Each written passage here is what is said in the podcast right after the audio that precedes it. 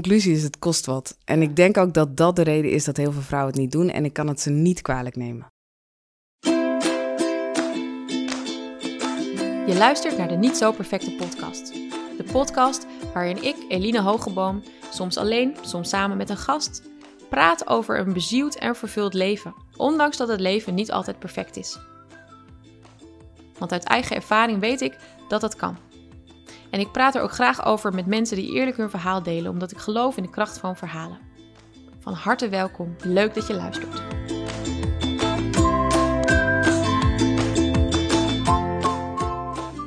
Vandaag is hier Minella van Bergijk. Ze is mijn gast, ze is directeur van Teerfund. Ze was voorheen hoofdredacteur van Eva. Ze is 42 jaar oud en moeder van drie kinderen. Plus ze woont in het altijd mooie houten. Welkom Minella.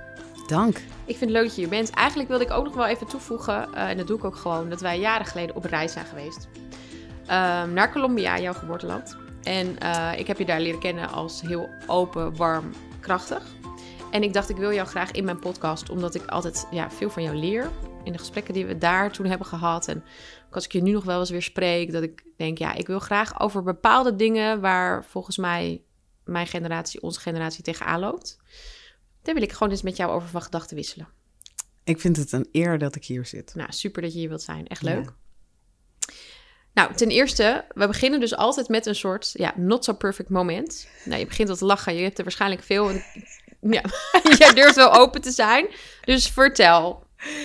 Ja, eigenlijk, ik hoef helemaal nooit zo heel lang terug te kijken. En vaak kijk ik naar de laatste 24 uur. Want inderdaad, uh, komen er bij mij geregeld voor. Maar hij is eigenlijk net vijf minuten geleden gebeurd. Hmm. Of tien minuten geleden, toen ik hier aankwam.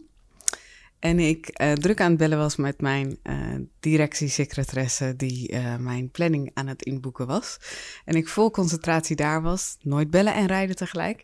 Toen reed ik een auto in en ik, en ik dacht, wat komen al die busjes nu op dit moment naar mij toe? Hier vlakbij is namelijk een school waar je en gewoon zelfstandig naar school kan, mm -hmm. maar waar je ook met het busje naar school kan. Je reed de straat in waar die allemaal... Nou... En die buschauffeurs, die zijn niet aardig. dus die vrouw zat echt te wijzen. Toen kwam ze naar me toe. Jij rijdt in een eenrichtingsverkeer weg. Oh boy. en ik zei, dat weet ik. En aan de andere kant had ik mijn directiesecretaresse. Die zei, Minella. Waar rij je? Waar rij je? Dit gebeurt jou altijd. Ja. Want het is heel vaak aan het einde. Het is nooit goed. Ik, ja. ik haal de route. Maar ik moet gewoon ergens Dat dan... laatste stukje. Ja, ja. Kan je directiesecretaresse niet altijd met jou meerijden? Dat zou het is echt ook zijn. gênant. Want echt, ik ben ook wel eens dat je dan de politie hoort. Je hoort altijd iemand aan het einde. Ja. Ja, nu deze vrouw. Ja. Die vrouw was niet... Um... Ze was niet toeschietelijk. Ik dacht echt, als ik in het busje zat, dan kroop ik echt niet van centimeter. Nee, precies. Keek ze me aan Misschien moet ze, deze vrouw blijf ook zitten. Ja, ik denk houding het. hebben. Ja. ja. ja. Nou, dat was mijn not so perfect moment. Ja. Maar ik voel me dan echt dom, want ik zit dan op dat één richting, kon nergens heen. Ja. Iedereen moest wachten, keren. Ja. Ik snap het. Het is niet warm krijg grote ellende. Ja, maar you made it. Je bent hier. hey, en uh, maar is dit typerend? Ja, ik weet het antwoord eigenlijk al. Uh, ja. ja. Hoe chaotisch ben jij? uh, ik, ik, ik denk altijd, ik ben of ik heb een hyperfocus, mm -hmm. of ik ben chaotisch. Ja. En daar zit heel weinig tussen. Dus voor de ene helft van de mensheid ben ik denk ik standaard chaotisch. Mm -hmm. En voor de andere helft van de mensheid heb ik een hyperfocus en weet ik heel doelgericht wat ik wil. Mm -hmm. En vind ik het heel vervelend om daarvan af te wijken. Ja. En al die andere dingen daaromheen bedenk ik niet zo sterk of zo krachtig. Want ik denk, oh, die, dat gaat wel. Mm -hmm. Dus plan ik zo'n afspraak als dit. En denk, ik moet ongeveer dan in de auto. Ik moet Ja. dat zorgen. Wat ook best wel chill is. Wat heel chill is. Want ja. dat heb jij ook. Jij hebt en een bepaalde energie en kracht, maar ook een bepaalde chillness. En je praat ook rustig. En weet je wel, dat is allebei in jou. Ja, Ja. ja. Ik ben wel, ik denk, ik heb de best of both worlds. Ja. Het is Nederlands en Zuid-Amerikaans, dus ik kan maximaal genieten en relaxed zijn. Ja. Maar ik kan ook, uh, ja, heel organized zijn. Ja. ja, ja. Het is een, wel een gekke combinatie. Ja. En, uh, dus, en zowel relaxed als misschien af en toe ook ingewikkeld. Ja, Ja. ja, ja. Ingewikkeld voor mezelf en voor de ander, Ja. denk ik. Ja. Ja. Nou, leuk om, te, om, om even over jou eh, te horen. hey, hoe, eh, hoe is het? Want jij zit hier nu. eh, kijk, toen wij elkaar leerden kennen... Ik durf even niet zo goed te zeggen hoe lang precies geleden het is. Ik denk jaar of zes of zeven of zo. Ja. Dat was voor jou Eva-tijd. Dus daarna Ja, ben jij hoofdredacteur van Eva geworden. Ehm, en nu ben je alweer bijna, of meer dan twee jaar, directeur van Teerfund. Ja. Wat Ja. sinds kort weer Teerfund heet. Het heette natuurlijk gewoon Teer toen jij... Nou, maakt niet uit, maar Teerfund. Hoe, ehm, Hoe is het? ja, hoe is dat nu? Nou, ik vind eh, toen wij elkaar voor het eerst zagen, was ik in, eh, was ik in Colombia, was ik aan het einde van mijn alpha-tijd. Ik denk dat ik Mhm. toen zei, ik denk dat het langzaam tijd is om weg te gaan, maar ik Ja. weet nog niet wat. Voor Maar- de Mary's Course werkte Ja, toen eh, ja. daar, ja. En ehm, Eva vond ik echt te gek. Vond ik echt een hele leuke tijd. En dat was ook wel opnieuw uitvinden van jezelf. En dat vond ik ook weer bij TR en Tiffend. Omdat het echt wel anders is om een soort community te hebben... en heel veel met vrouwen op te trekken. Mhm. Eh, dat, dat is anders dan... Dat zijn andere vragen en andere gesprekken en andere humor... Mhm. dan dat je eh, met de wereld optrekt en alle wereldproblematiek die er nu is, met alle conflicten en geweld en Ja. ellende. Dus dat ik moest ook mezelf en mijn humor en eh, alle andere dingen weer uitvinden. Dus Ja. ik zit tussen heel veel ehm blauwige mannen.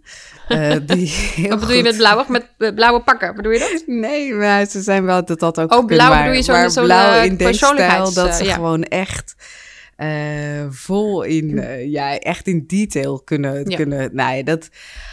eh, ja, en zij hebben, hadden, ik sprak ze iedere maandag en iedere maandag hadden ze een soort eh, rapportage over voetbal. En ik weet echt niets van voetbal. Ik weet ook niet wat bij het spel is, echt helemaal niets. Nee. Maar dat was echt zo atypisch vergeleken met mijn Eva. Ja. Eh, maar ook alle dingen die erbij kwamen.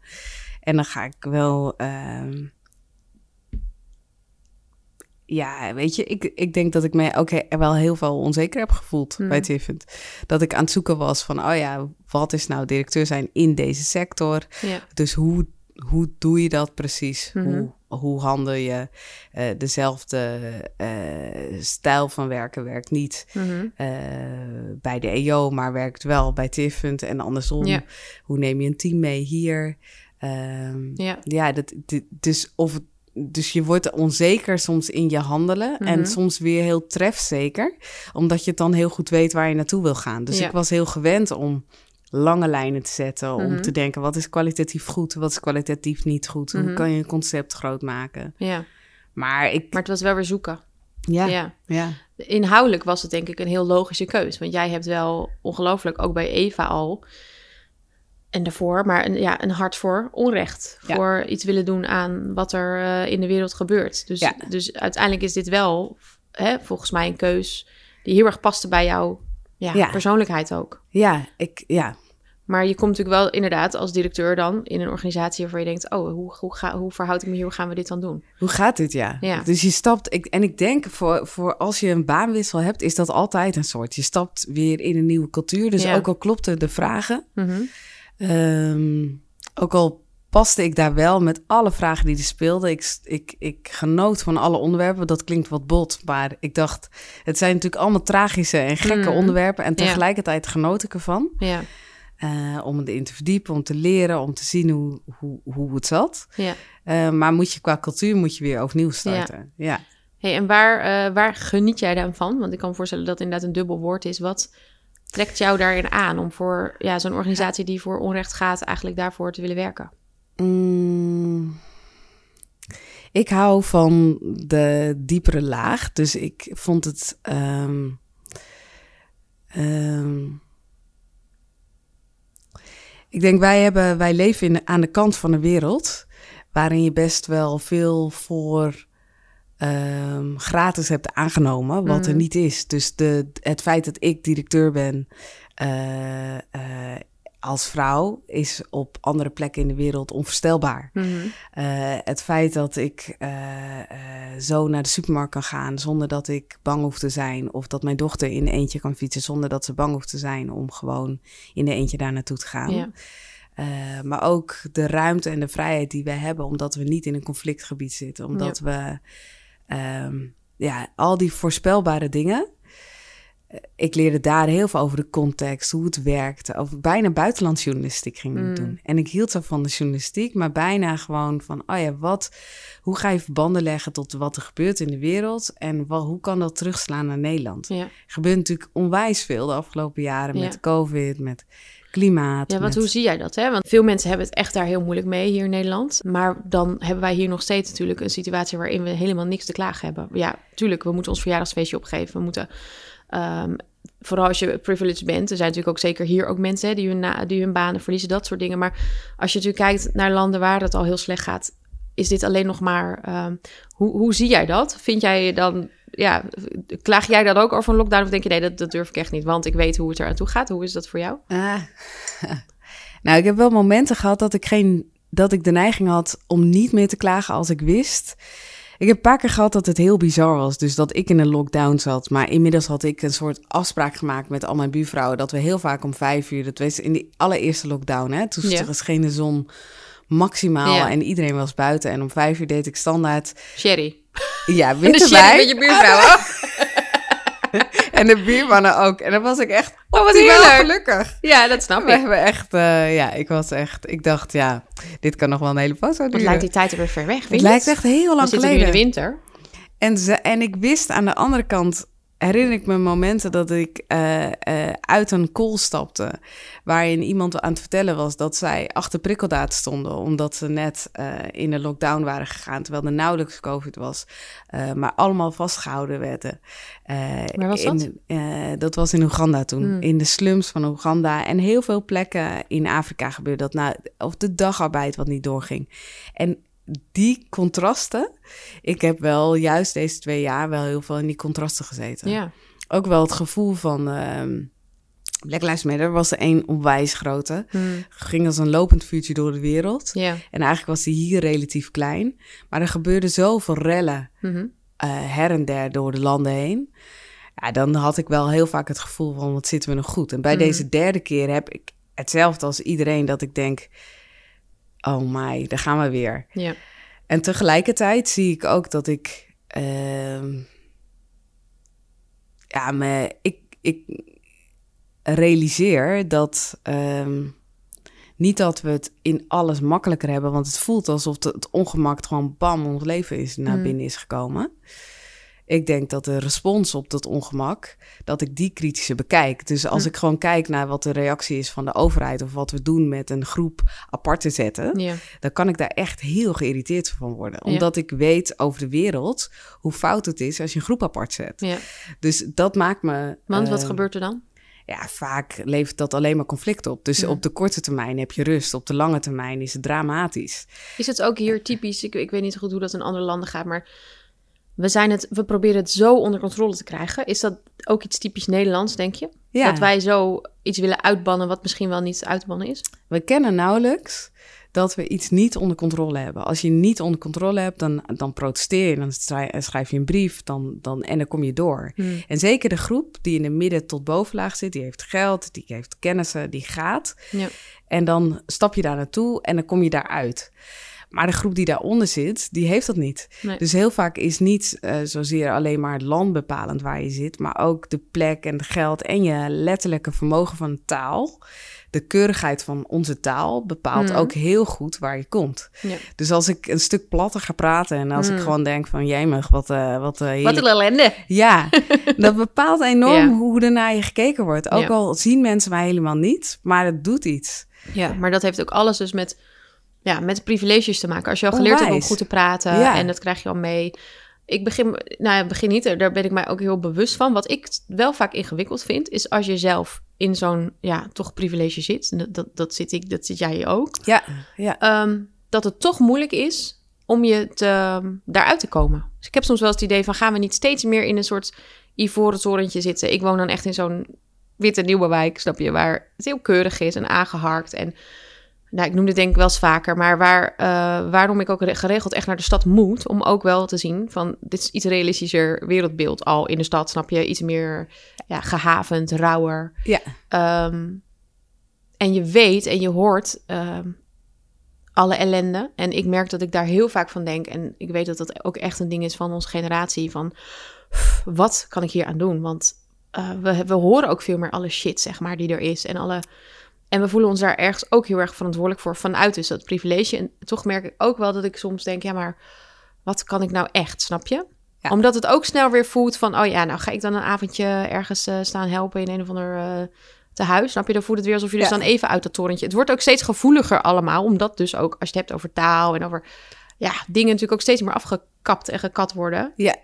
Hoe, ja, hoe doe je dat? Hoe, hoe draag je uiteindelijk toch zorg? Jij werkt voor een organisatie die dat doet. Hoe, Ja. hoe, kun je, hoe ga jij ermee om? Eh, nou, ik vind allereerst heel erg belangrijk dat je super jezelf blijft.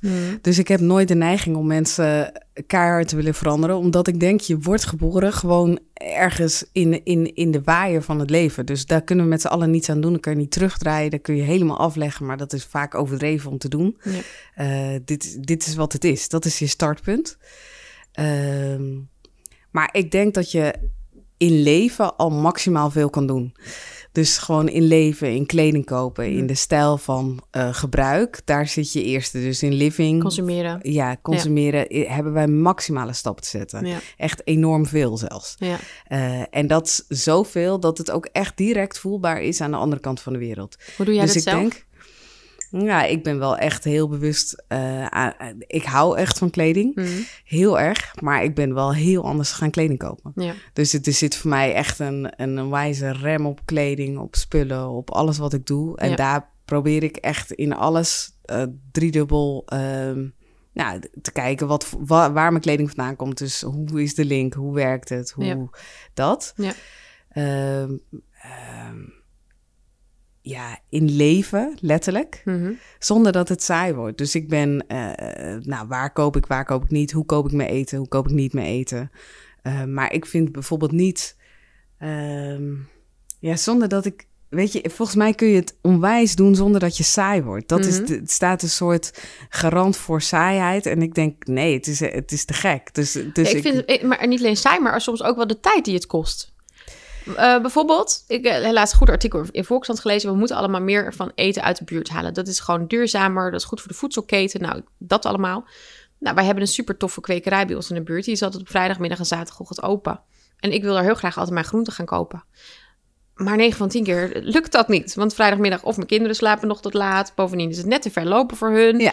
Eh, snap je? Er zijn altijd wel ook dingen dat ik denk... hoe bed ik dit in in mijn dus al drukke leven? Ja, precies waar Dat jij de ruimte hebt. Volgens mij precies waar jij de ruimte hebt. Ja. Dus niet waar, waar het in de overkill gaat, want dat hou je helemaal niet vol. Nee. Dus volgens mij is het veel meer het stukje dat je wil bewegen. En dan eh, dat je langzamerhand opschuift. Dat is, dat, ik vind dat heel tof aan de Mhm. generatie die nu op school zit. Die is er super van bewust. Dus die nemen eh, veel natuurlijker deze stappen, passen het in. Maar kopen zich helemaal niet suf vervolgens in alles wat ze helemaal niet kunnen doen. Dus Mooi ze doen dat. het veel relaxter. Ja. En wij moeten misschien nog veel meer om. Ehm, Nou, ik vind En- het wel mooi wat je zegt. Ook zoeken naar wat en bij jezelf blijven. Ja. Ik heb ook wel eens bijvoorbeeld zelf wasmiddel gemaakt. oh, Staat er te beschimmelen bij mij, snap je? Dan eh, denk ik op een gegeven moment, oh, ik heb een emmer wasmiddel gemaakt. En dan, Johannes, die heeft dat al helemaal niet door. Dus die pakt eh, vrolijk eh, de, de voordeelaanbieding met tien plastic flessen in de supermarkt. Ik denk, hallo, ik was hier goed begonnen. En dan staat het te beschimmelen. Ja, is dus niet mijn ding. Nee, maar volgens mij, ik, ik, ja, ik denk als je in mijn huis komt en je bent van de, weet ik veel wat, politie, dan, dan De ga ik echt, dan word ik echt, dan word ik echt nu bij de schroffel neergezet. Maar ik denk als je het aan de andere kant bekijkt, dan weet ik wat voor stappen ik heb gemaakt. Ja. En ik doe het uiteindelijk niet voor eh, X, Y of Z, hè. Nee, Ik nee doe maar je het doet gewoon... het wel. Dit is inderdaad wel één ding waarvan, eh, nou ja, in een van de vorige podcasts zat Alain, die, die eh, dat cijfer noemde van wij hebben allemaal 1,9 FTE, even uit mijn hoofd, aan slaaf eigenlijk in dienst in wat Ja. we kopen. En we hebben 18 is zo kilometer heftig. We Echt, hè? hebben 18 kilometer, vierkante kilometer land voor onszelf. Dat is echt absurdistisch. ja. En weet je waar aan? In, eh, aan het regenwoud. We laten echt, Mm. eh, er wordt regen, ge- nou ja, je kan, de, als je de cijfers gaat kijken, is echt dramatisch. Ja. En volgens mij heeft dat twee dingen als gevolg. Als we echt de cijfers kijken, slaan we helemaal dicht. Mhm. Met het gevolg dat sommigen denken, ik wil het niet meer horen, doe maar Netflix aan. Mhm. En sommigen zeggen, de, de, de dapperen gaan door Die gaan en super die kijken. activistisch, ja. En die worden soms zo activistisch dat je denkt, oh ja, maar eh, nu vervreem je. ja. Eh, dus ik, ik kijk, de wake-up de wake-up call, die is er. Die Ja. is er nu. Eh, maar ik vind het dan heel lekker dat ik bij Tirvent werk. En dan ga ik even een hele ontspannen opmerking maken. Mm. Dan ben ik blij dat ik Jezus niet ben. Mm. Snap je? Dus Ja. ik, ik, ik doe, ik ga, ik heb ehm, mijn verantwoording. Ik lees, ik ben volwassen. Ja. Dus ik moet iets. Ja. Maar ik kan niet de hele wereld veranderen. Maar ik heb wel beseft dat ik in dat groep behoor waar ik geld heb. Mhm. En waar ik niet eh, hetzelfde excuus heb dan iemand die in de bijstand zit. Ja. Dus ik vind dat ik zelf niet alleen maar kan zeggen, ja, ik kan niet alles. Nee. En tegelijkertijd weet ik ook, ja, ik heb ook een max. Ja. En hoe is het voor jou, want eh, o- over dubbele kanten gesproken qua chaotisch en juist hè, rustig. Ja. Nou ja, je hebt wel meer dubbele kanten. Je vertelde net al van je komt uit Colombia, ehm, je bent geadopteerd. Jij Ja. kent ook, nou ja, niet, ja, je Ja, kent ze wel armoede. uiteindelijk. Ja. Want je komt eruit, is een reden waarom je uiteindelijk hier bent terechtgekomen. Hoe, hoe is dat dan voor jou? Dat je uiteindelijk ook die, want ik zeg nou heel vrolijk tegen jou, je bent geprivilegeerd. Je beaamt dat en tegelijkertijd niet waar je vandaan komt. Hoe zie jij dat dan bij jezelf? Nou, ik denk dat ik daarom eh, misschien ook wel... eh, in ons voorgesprek zei ik, ik kan heel goed genieten. Ik hou enorm van vakantie. Ik kan zo eh, stoppen. Ehm, dat komt, denk ik, zo bewust dat ik ook weet te genieten van hetgene wat ik heb. Mhm. Dus als ik niet kan genieten, dan voel ik me voor altijd schuldig.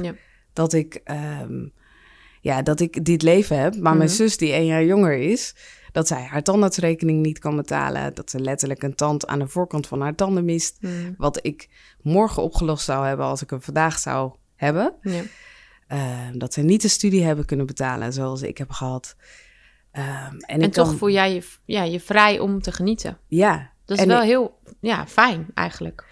Nou ja, ik merk zelfs dat ik het, ehm, dat ik het een opdracht vind. Dat ook een ode aan mijn moeder bijvoorbeeld, die, eh, ja,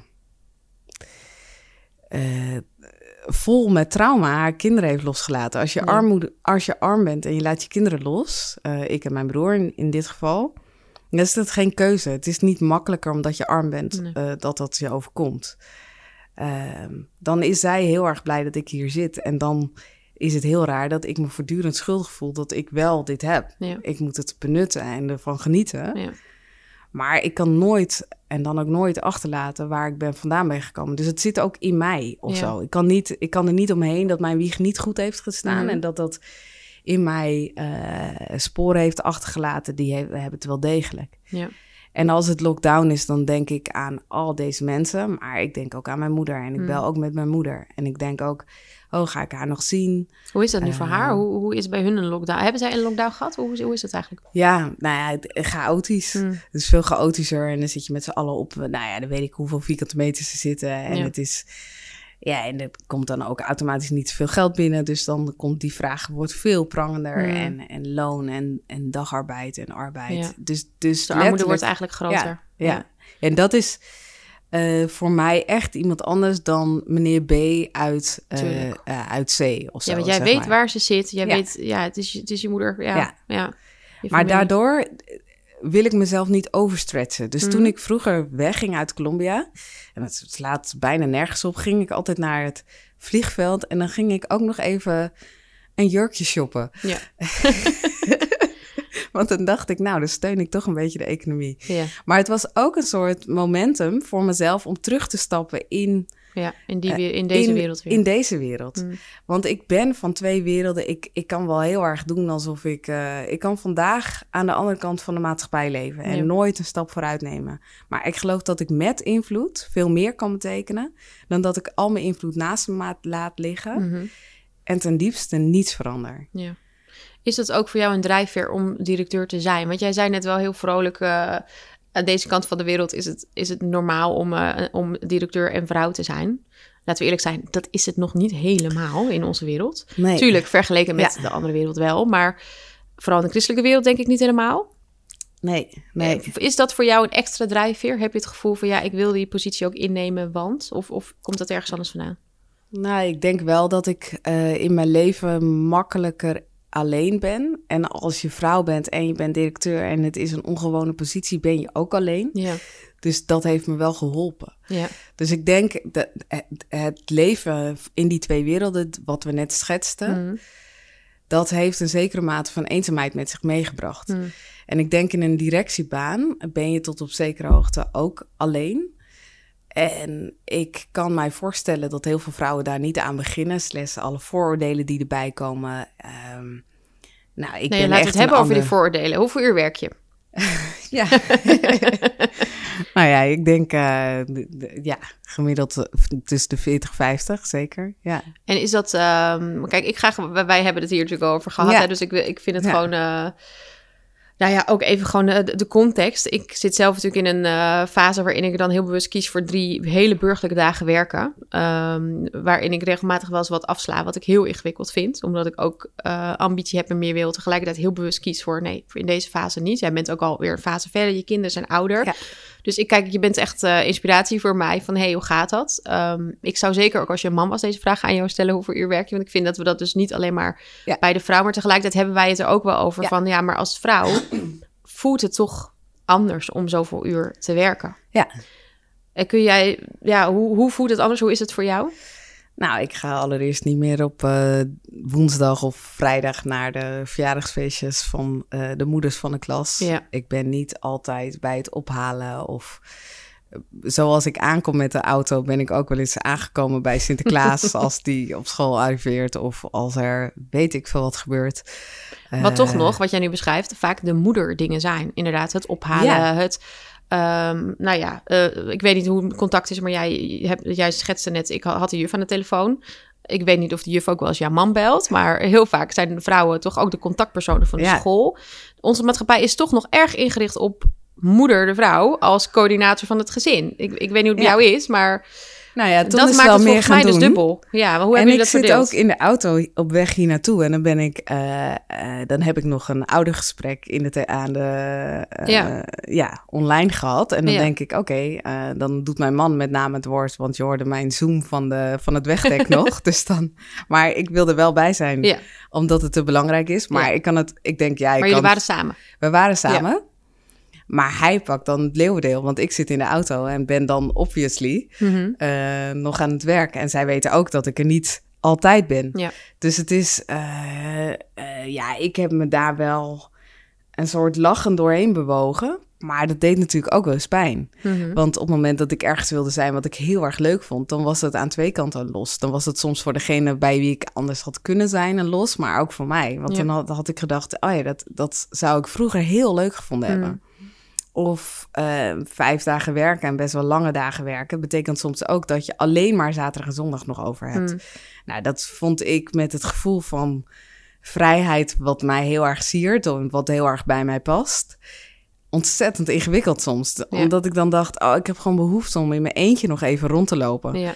Zonder eh, nu direct alle minuten in het gezin te duiken en dat Mhm. alles te doen. Ja, dat Ja. is natuurlijk heel raar als je de hele week weg bent geweest. Ja. Dus, Dus het ehm, kost wel iets.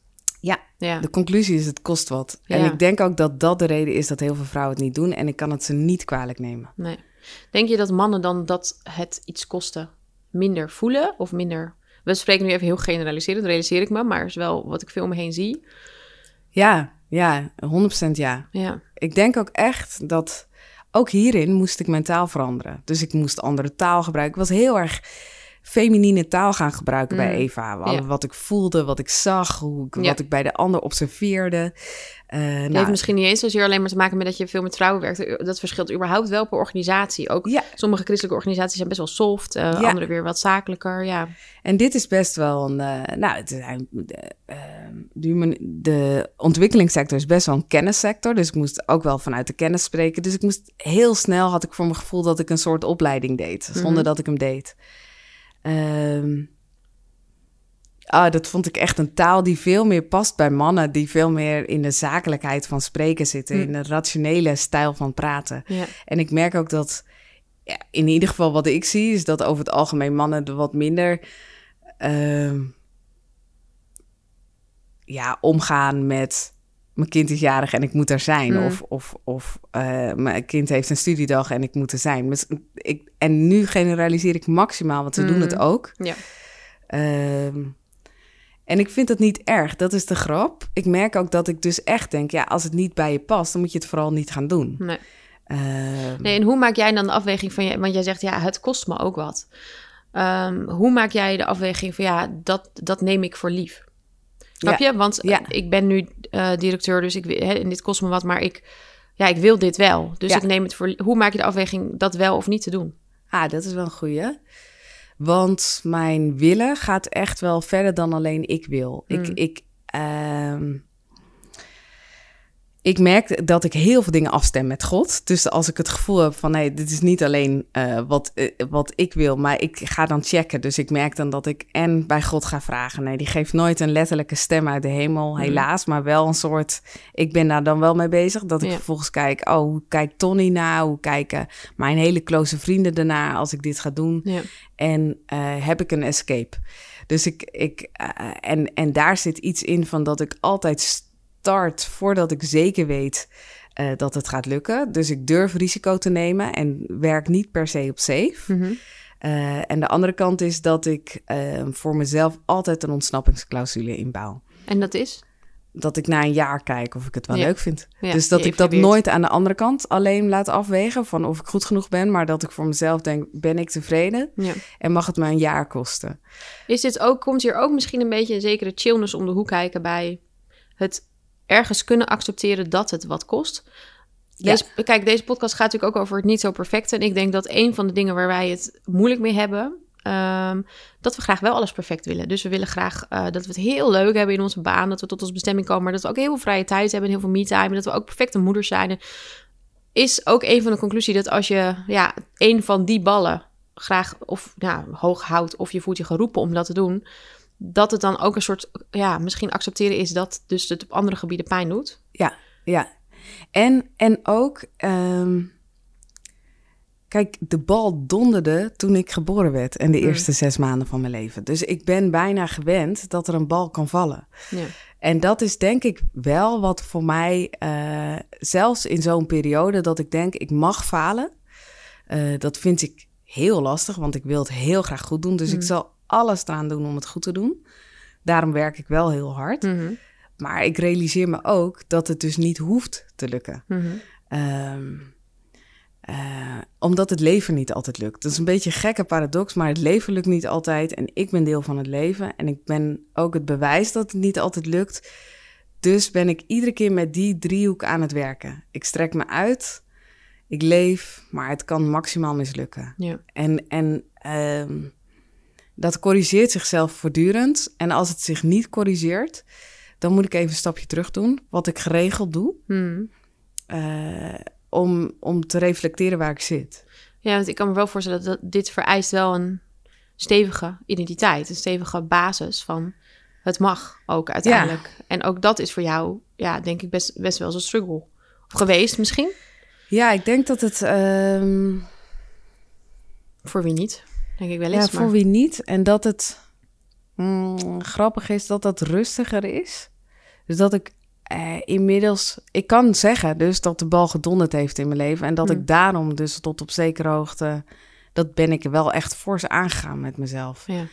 Wel, wel eerder dan nu. Dus het voelt niet alsof ik nu nog voortdurend bezig ben met mijn eigen identiteit. Maar als ik echt denk, waar ben ik nu mee aan het worstelen? Dan ben ik er dus mee aan het worstelen. Niet meer voor vriendschappen waar ik niet ben. Hm. Dat accepteer je op een gegeven moment. Denk je, Mhm. ja, daar ben ik niet, punt. Dan, dan gaan we s'avonds naar de film. Daar, Ja. weet je, overal wat belangrijk is, kan je vervangen. Ehm, en sommige dingen die heel belangrijk zijn, die kun je niet vervangen. Nooit niet. Ik kan niet eh, en reizen en bij mijn dochter zijn of zo. Hm. Dus nu zegt mijn oudste dochter, die gaat examen doen, die zegt, ben je er wel eh, dan? Omdat ze weet dat het zomaar zou, zou kunnen zijn dat ik er niet ben. Ja. Ehm, en dat ik dat ook plan en dat ik dan later door heb dat zij examens gaat doen. Mm. Dat is niet aardig. Dus nu denk ik, oké, dat moet ik laten vastleggen in mijn Ja. agenda. Eh, ehm, Ik ben zo blij dat ik mijn planner voor je heb klaargelegd. ik ook. Maar ik geef hem wel even aan je directiesecretaresse, ja? Dat is echt gênant ook. Nee, sorry, maar ik- sorry voor dit reclameblokje tussendoor, maar ik moest hem even maken. Want ik ga hem straks aan jou geven. Oh, wat erg. Ja, maar het is te zeggen. Ja. Eh, ik, ja, oh man. Maar ik, oh, ik weet het niet, Eline. Ik denk dat ik echt voor een deel gestruggeld heb met mijn eigen identiteit. En op een gegeven moment dacht, dit is wie ik ben. Eh, en Nou, ik zie ook gewoon, ik zie ook een enorme veerkracht in jou. En ik denk dat, dat bij veerkracht, ik vind het een van de, ja, dat zit ook in, in, in, de, in de Academy, omdat dat is ook wat ik zelf heb ervaren. Het mooiste wat je uiteindelijk gegeven wordt. Ik zie het echt wel iets als wat je gegeven wordt, maar ook wel iets wat je ontwikkelt. Juist als je uit shit komt. Ja. Ehm, je moet wel. Maar het lukt de een wel beter dan de ander. Want er zijn gewoon wel bepaalde eigenschappen bij veerkracht ja, die je kunt trainen of oefenen of die je hebt. ja, Dat zie ik in jou wel heel erg. Jij hebt een enorme veerkracht en volgens mij hoort daar ook bij. En dat kun jij volgens mij heel erg. Dat je, ja, wat jij zegt, dat je uiteindelijk ook accepteert van ik kom daaruit en dingen zijn ook soms moeilijk. En ik denk Ja. dat dat iets is wat we vaak niet, dat we heel vaak het hele moeilijke uit willen bannen. Ja, ik heb, weet je, voor mij is mijn dagboek mijn leven. Dus Hmm. ik heb echt een dagboek eh, per dag. Daar schrijf ik dagelijks in eh, op zijn Ignatiaans.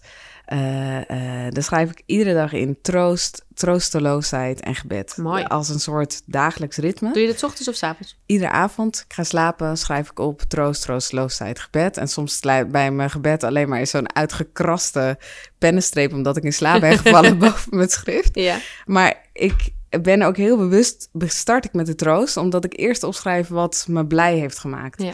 En ik ben veel meer gaan leren om de kleine dingen echt te gaan benoemen doordat ik ze beschreef. Hm. En ehm, dat is dan ook, je wordt er zelf opmerkzaam van. Dus ik ben op een gegeven moment de hond van de buren gaan uitlaten. Ja. Eh, en ik merkte dat ik dat zo leuk vond. Dus dan schreef ik op Zoe uitgelaten. Oh, heerlijk. Zo super truttig, maar het staat dan. Zoe uitgelaten.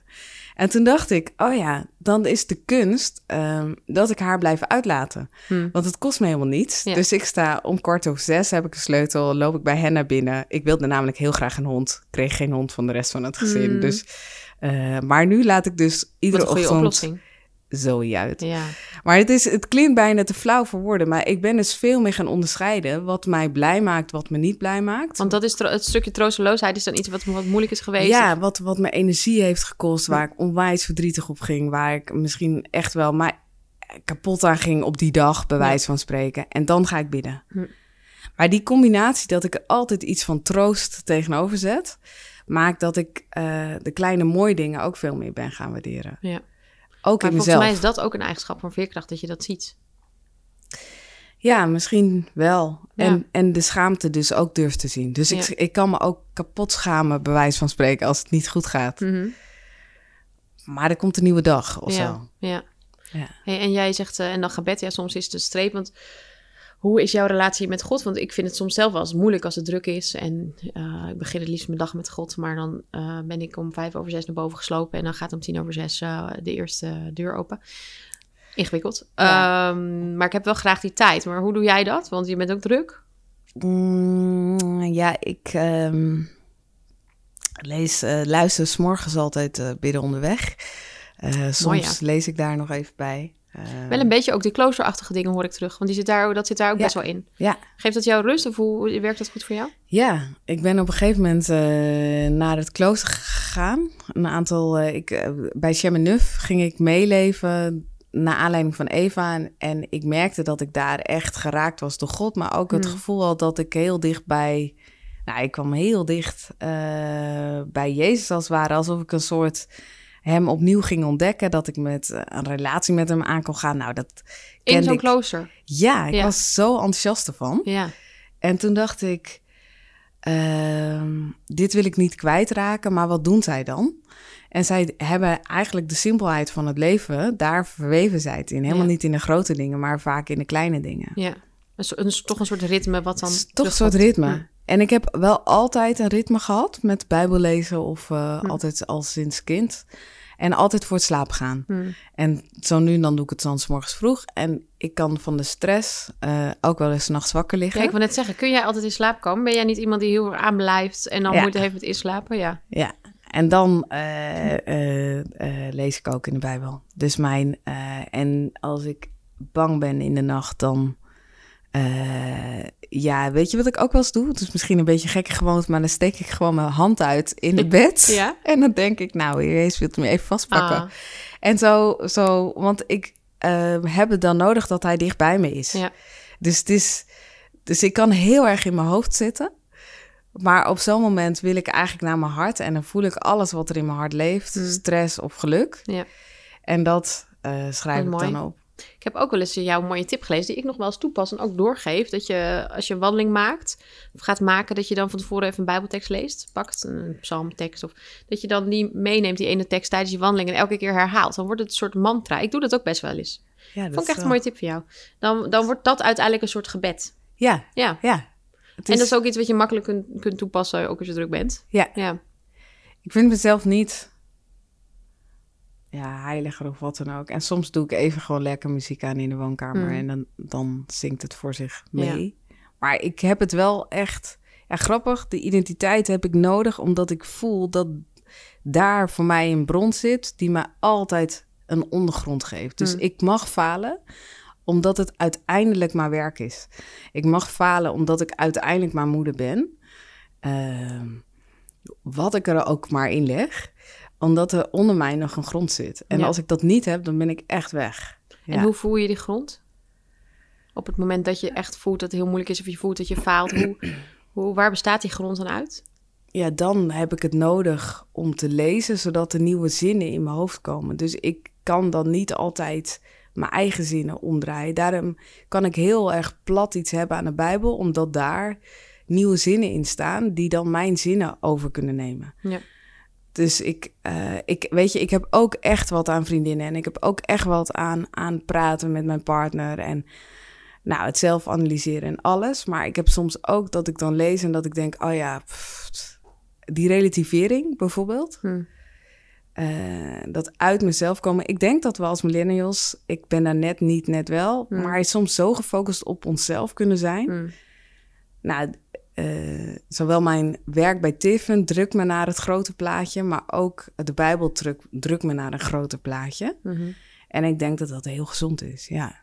Ja, dat denk ik ook. En misschien dat daardoor ook wel meer. Ik denk ook dat de millennial, waar ik dus ook wel echt een van ben, dat we ook zoveel, nou ja, wat je zegt, naar onszelf kijken, maar dus ook altijd naar what's in it for me, hè? En tege- Ja. tegelijkertijd dus ook het, eh, nou, ik denk wel eens van, vandaag nog was hier op kantoor, er is hier een vrouw van, ik denk dat ze wel echt in de zeventig is, die staat die dozen te vouwen, omdat ze zegt, ja, ik wil gewoon iets doen, ik wil van betekenis blijven. Ja, Snap je? En dan denk ik, als die generatie, jongens, wij gaan die straks verliezen, maar wie gaat nog de doosjes vouwen, om het maar even zo te zeggen? exact. Want wij voelen ons er te goed voor. Daar komt het wel heel vaak op We neer. hebben heel vaak, alles is transactioneel. Als Ja. ik dit erin stop, wil ik dat eruit. Daarom zijn we zulke goede ondernemers, zijn we zulke Mhm. goede, weet ik veel, hebben we zulke sterke posities. Mhm.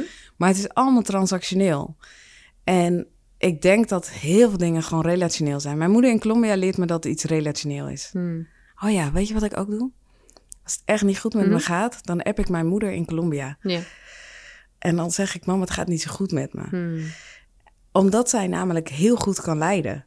Dus zij hoeft niet ehm, een hele uitleg waarom het niet goed met me gaat of wat ik beter had kunnen doen. Maar zij zegt gewoon: Ach, schatje, ik hou van je.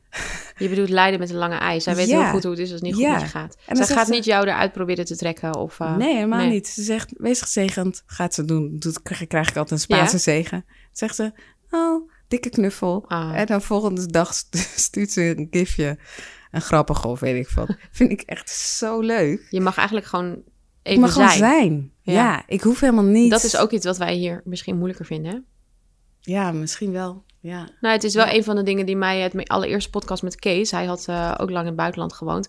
Beetje ditzelfde wel. Dat hij zegt, mensen die in omstandigheden wonen... waar het al zo slecht eh, gaat... Daar, daar, daar is het lijden. Zij leven daarmee. Ja, Dus kunnen ook waarschijnlijk beter reageren op dit soort situaties. Wij gaan heel vaak mensen proberen eruit te trekken en zeggen: Ja, maar eh, joh, eh, hè? Ja. komt daar weer goed? Of eh, merk ik bij mezelf ook. Onder- ik, ik merk dat ik me er veel bewuster van ben, ook sinds dat gesprek. Ik heb zelf ook heel veel aan deze podcast. Zoals je merkt, ik doe dit alleen maar voor mezelf. Leuk dat jullie meeluisteren, maar ik doe het puur voor mezelf. Ehm, maar ja, dat is echt wat wij hier vaak doen. Omdat het gewoon laten staan of het ernaast gaan zitten. Of, dat vinden wij veel moeilijker. ja, Maar ja, dat Ja. hebben wij ook gezien. Ik bedoel, laten we eerlijk zijn, we zijn in Colombia. Ik, ik ben met jou daar ook geweest. Man. eh, en tegelijkertijd geen zielige mensen. Want wat een vertrouwen en wat een hoop en wat een vreugde. En wat een Ja. gedans. En ah, dat je Ja. denkt, wat, wat doen we hier? Wat, wat heerlijk ook. man, ja, wat bewonderenswaardig ook. Ja. Ja, ja, het is en en. Dus een beetje schizofreen ben ik misschien. ja, Ja. misschien. Maar dat, dat is denk ik ehm, inher- inherent aan en, en waar je vandaan komt. En aan, ja, überhaupt misschien wie je bent. Maar misschien zijn Ja. het allemaal wel een beetje. Ik denk het wel. En de Ja. kunst is dat het mag, of zo. Dat is Ja. het ook, ja. Ik, maar ik zie het wel echt als, ja, je hebt wel ook echt een plus. Omdat ik elke keer in, de- in deze podcast heb ik bijna wel een gast die iets met buitenland heeft. Vorige keer Albertine kwam uit Zuid-Afrika. Het is wel grappig. Ja, en dan zie je wel echt, de- ja, onze Nederlandse cultuur, ik bedoel, eh, prachtig en zo. Maar oei, oei, wat hebben wij moeite met, met lijden en met, met, ja, wij denken echt dat het maakbaar is. Ja. En eh, ergens vandaan komen waar je hebt gezien dat het anders is, is wel echt, ehm, ja, denk ik heel waardevol. Ik doe het zelfs met mijn kinderen. Dan neem ik ze mee naar mijn familie in Spanje. Mhm. En dan slapen we met z'n allen in het appartement. En de eerste keer dat ze daar kwamen, toen zeiden ze... Mama, gaan we slapen? Mhm. En toen zei ik, ik weet het niet, maar wacht maar gewoon af. Komt vast goed. En we moesten met z'n allen, dus we moesten met z'n tweeën in één bed slapen. De een sliep op de bank, de ander sliep op de vloer en de ander sliep... Want zij zijn echt niet arm, maar ze zitten in een middeninkomen. En het is Mm. gewoon gasvrij om mensen Om uit in te je eigen nodigen. huis te doen. Ja, Ja. en het in je eigen huis te doen. Mm. Dus we gingen overal slapen. En, eh, eh, en zij kennen de Spaanse taal eigenlijk nagenoeg niet. Dus, Nee. eh, Maar ik zei, ja, dit is wat het is. Dus go with the flow. En hoe gingen ze ermee om? Ja, echt wel leuk. En mijn Ja. zoon, die, die floreerde. Mijn jongste dochter dacht... eh, ik heb echt geen zin om met haar in één bed te slapen. dat zij met de voeten in mijn gezicht ligt. Oh boy. Oh, ze ging zich omdraaien. Zij dacht echt, nee, Heerlijk. wat is dit? ja. Maar dit was ook e- echt heel gaaf. Ze zei, nee, dit is het. Dit is het. Dus ook het eten, ook dat eh, eh, succes. Ja. Want we kunnen hier ook als toerist zitten. En dan zitten we in een hotel ja. Maar 20 dit is zo meter goed om, om dit te laten Ja. zien ook. Ja. ja, Dus ik geloof er echt in. Ja. Ja. mooi. Ja, Minel, je hebt alweer heel veel mooie lessen geleerd. Ik eindig altijd toch met een echt een praktische, concrete les. Van wat helpt jou nou om het niet perfecte leven te leven? Wat, wat is daar voor jou een praktisch ding bij? Oh, wauw. Dat vind ik dus heel moeilijk. Eh, geen idee. Ik kijk, ik... eh, Ja, je, je hebt ook al heel, echt heel erg veel genoemd. Ja, ik denk dat ik een enorme tegenhanger in mezelf heb en die ik heel graag stimuleer. Dus ik kan echt de platste dingen bekijken of de, de meest suffe. Ik hou van hele rare mensen, omdat ik die vaak heel grappig vind. Dus als het me heel erg te saai wordt, dan ga ik naar eh, mijn gekste buurvrouw en dan voel ik me altijd goed. Omdat die gewoon, ja, ik weet het niet, hele gekke mensen die zorgen dat je zelf naar beneden gaat. Ook in je gevoel of zo. Ja. Dus het is een hele gekke tip. Maar ik kijk altijd naar mensen die het dan niet erger hebben dan ik. Mhm. Maar eigenlijk die... Die gek in het leven staan. Die gek in het leven staan, maar heel gelukkig. ja, Dat vind ik echt een cadeau. wat ja. heerlijk. Ja. We moeten allemaal op zoek naar die gekke buurvrouw ja, of man. die zijn echt te gek. hey, dankjewel. Dankjewel dat je wilde zijn en ehm, ja, voor je openheid en je lessen. Nou, Thanks. jij ook dank. Superleuk.